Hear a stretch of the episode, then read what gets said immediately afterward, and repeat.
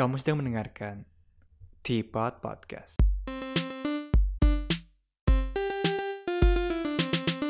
Hello, welcome back to Teapot. Baik lagi bersama gue, Fernando Sugianto. Dan hari ini gue bakal ngomongin tentang cara yang gue pakai buat menilai kebijakan dengan lebih objektif. Sambil ngomongin juga soal corona lagi nih. Yang belum kelihatan kapan selesainya di Indonesia. Uh, ngomongin soal corona, kalian tuh sebenarnya bosan gak sih dengerin gue ngomong corona terus?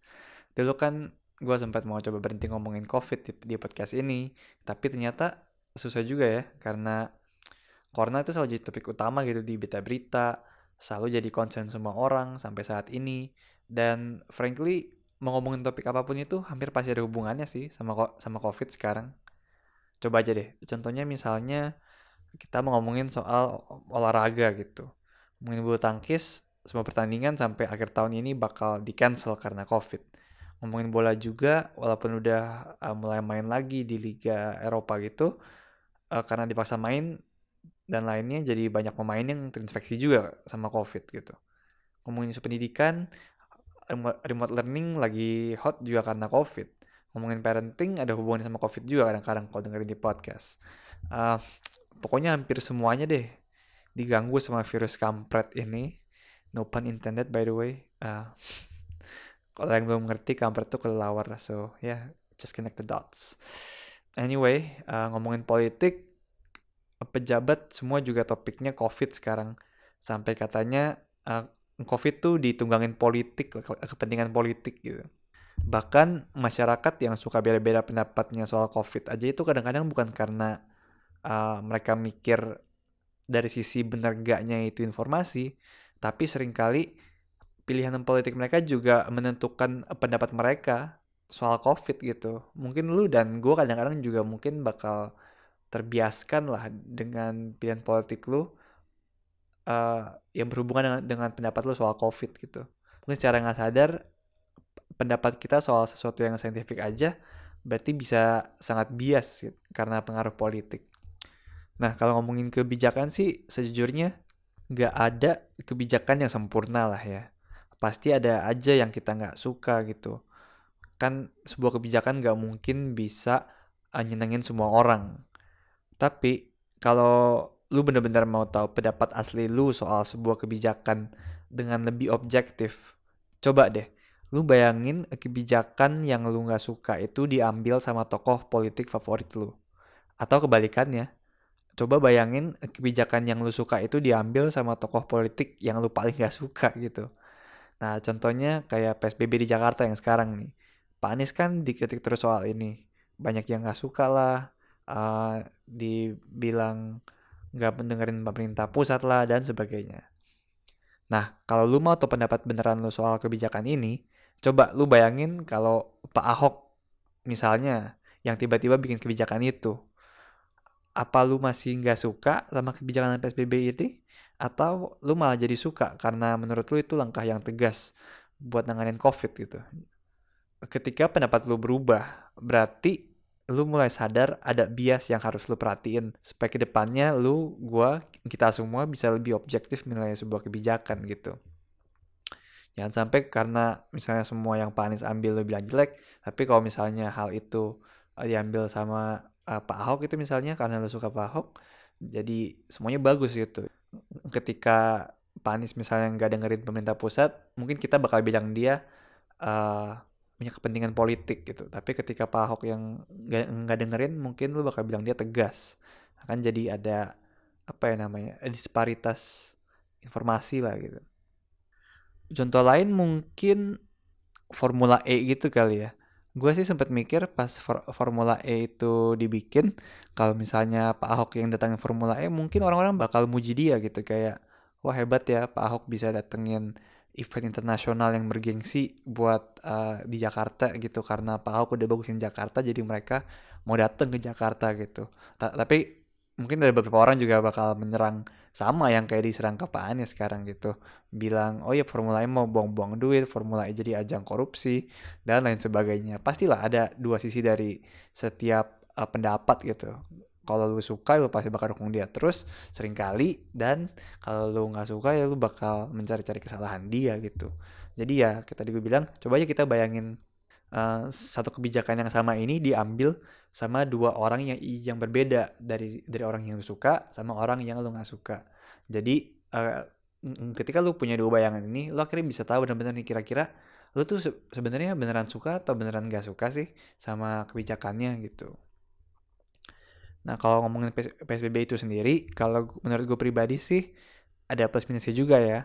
Plusnya ya kalau udah kasus udah naik tinggi kayak gini di Indonesia, memang banyak negara pun ngetatin lagi pembatasan sosial mereka gitu. Kayak di Eropa, di di negara Italia sama kota-kota lainnya di Eropa, mereka juga ngetatin lagi social distancing measure mereka ketika uh, angka mereka sempat naik lagi gitu. Jadi ya menurut gue sangat wajar buat memperketat social distancing measure-nya ketika memang keadaannya lagi buruk gitu sih. Dan untuk minusnya ya kelihatan kelihatan juga kali ya mungkin Pak Anies kurang koordinasi juga nih sama pemerintah pusat. Kan apalagi Jakarta ini kan kota besar uh, yang juga kalau di PSBB-in pasti dampaknya besar sama sama ekonomi negara gitu. Nah, tapi kalau ngomong komunikasi juga emang sekarang komunikasi sama kekompakan pemerintah lagi wadididiu banget sih ya. Atau ngomong apa, yang bisa beda ngomong yang nggak tahu tuh meeting meetingnya di di zoom room yang sama nggak sih? Jangan-jangan satu meeting di mana atau meeting di mana, keluar kebijakannya beda jadinya. Hmm, anyway, ditambah lagi mungkin pelaksanaannya yang di Jakarta memang PSBB-nya kurang apa ya kurang maksimal kali ya masih ada yang lolos ada yang nggak diperiksa kadang-kadang yang nggak penting malah diperiksa dan lain sebagainya gitu kan tapi uh, masalah pelaksanaan mah masalah belakangan kali ya. Karena ke, ini kan semua orang kadang sudah menilai sebuah kebijakan itu saat diumumkan gitu kan. Jadi ya untuk penilaian yang lebih lebih objektif ya kita mikirin kebijakannya dulu aja gitu baru nanti kita lihat pelaksanaannya semoga bisa dilakukan lebih baik gitu. Um, speaking of PSBB di Jakarta kan udah jalan dua mingguan lah ya PSBB-nya tapi ternyata di berita tuh bikin stres liatnya men. Katanya banyak orang-orang Jakarta yang keluar kota buat menghindar dari PSBB gitu. Karena mereka pengen makan di luar nyari tempat hiburan atau yang ngafe aja nongkrong-nongkrong.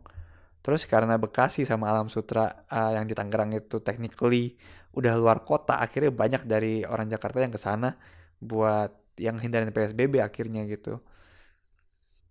Padahal kan tujuan utama dari PSBB itu supaya kita nggak ke kerumunan dulu kan. Kalau nggak perlu-perlu amat, kita harus social distancing gitu. Jaga diri lah, jaga kesehatan sendiri.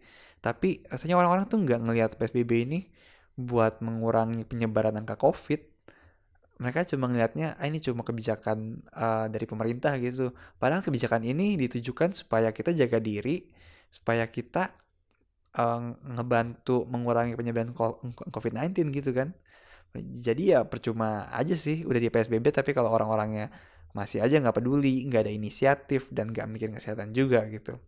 Sekarang mungkin banyak orang yang bilang oh gue udah menerapkan protokol COVID nih. Tapi sering banget gue masih ngelihat lihat orang-orang yang lupa uh, pakai maskernya nggak bener gitu.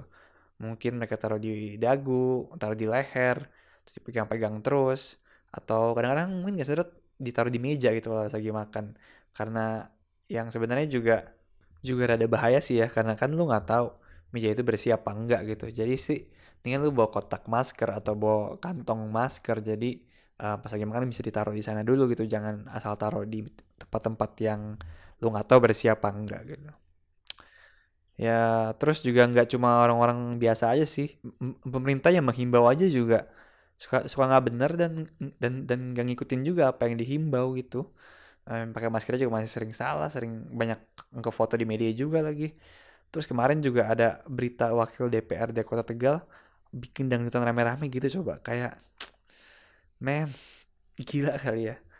Sekolah tutup, kantor disuruh tutup atau WFH restoran tutup orang disuruh jaga jarak eh dianya dan rame-rame ya kan kan gila gitu kan kayak lu bilang suruh jaga dijaga tapi lu nya nggak ngasih contoh yang baik juga gitu. Ter terus juga keadaan masih parah begini maksa mau pilkada lagi nanti. Udah protokolnya belum jelas orang-orangnya juga nggak bakal ngikutin dengan baik. Nah, mau jadi apa nantinya kalau tempat pilkada jadi klaster gitu kan? Dan nambah lagi kasusnya makin banyak dan makin susah di trace gitu. Aduh kayak gimana ya? Apalagi pilkada kita kan masih sistem uh, voting ma manual gitu bakal banyak orang bakal banyak uh, bersentuhan dengan benda-benda gitu. Jadi ya serem banget sih menurut gua. Ya memang sih memang semua kalau yang orang-orang petingginya itu kalau dipanggil ke TV semua ide dan protokolnya desain itu sudah udah bagus lah gitu.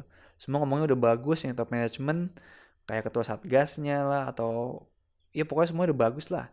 Tapi apa pelaksanaannya bisa dilakukan dengan, baik gitu.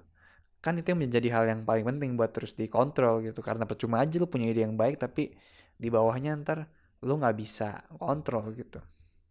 Itu baru di sini. Coba ini kalau kemarin di Hongkong aja juga yang lebih teratur orang-orangnya. Dulu kan katanya kalau nggak pakai masker bisa didenda di tempat umum. Jadi walaupun lu nggak pakai masker di pinggiran jalan buat ngerokok gitu lu, lu bisa didenda juga gitu. Tapi di kalau dipikir-pikir memangnya ada cukup banyak polisi gitu yang bisa patroli ke semua tempat ke semua gang tempat orang ngerokok gitu buat enforce peraturannya. Kan nggak nggak mungkin gitu kan polisinya ada berapa daerah di kota ada berapa gitu kan. Kayaknya memang uh, karena kebijakan yang kurang mateng dan orang-orang yang abai atau nggak peduli itu sih. Makanya di Indonesia ini bukannya makin baik udah berbulan-bulan malah makin parah gitu. Serem banget sih jadinya di sini uh, lama kelamaan jadi makin deket ke circle ke circle kita gitu makin sering dengar berita soal eh, orang-orang yang kita kenal jadi kena juga gitu kan. So yeah that's so scary man. J jadi ya menurut gue sih mungkin mungkin bukan menurut gue doang kayak menurut uh, semua pakar juga ya kita semua harus play an active role juga buat mencegah penyebaran ini gitu. Karena kebijakan pemerintah nggak akan bisa maksimal kalau masyarakatnya terus-terusan ngabain gitu mau didenda berapa juta pun juga Indian juga percuma kalau misalnya orang-orang yang nggak inisiatif gitu mereka nggak bakal bisa enforce seketat itu uh, tapi sebenarnya kita harus mikir kebijakan ini kan buat kebaikan diri kita sendiri. Jadi mau ada atau nggak ada kebijakan atau mau ada atau nggak ada dendanya, ya kita harus tetap jaga diri kita sendiri, tetap cuci tangan, tetap pakai masker, tetap uh, menjaga jarak. Ya kita harus jaga diri kita sendiri lah gitu.